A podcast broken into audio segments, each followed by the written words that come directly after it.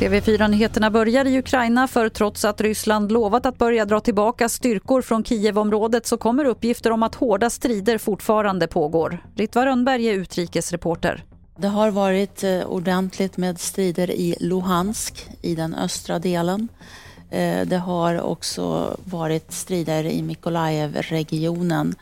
Eh, sen så har det kommit uppgifter från Ukraina om att eh, Ryssland flyttar soldater från två så kallade utbrytarrepubliker i Georgien för att förstärka i Donbass.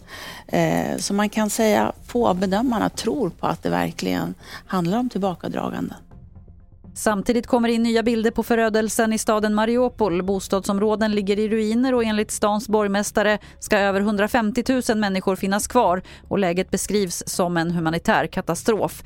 Enligt lokala myndigheter är det brist på mat och vatten och ryska ockupanter låter inte hjälpkonvojerna komma in i stan.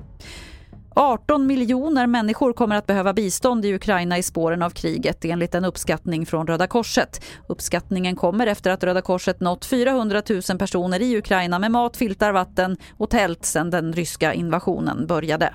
Fler nyheter finns på tv4.se. Jag heter Lotta Wall.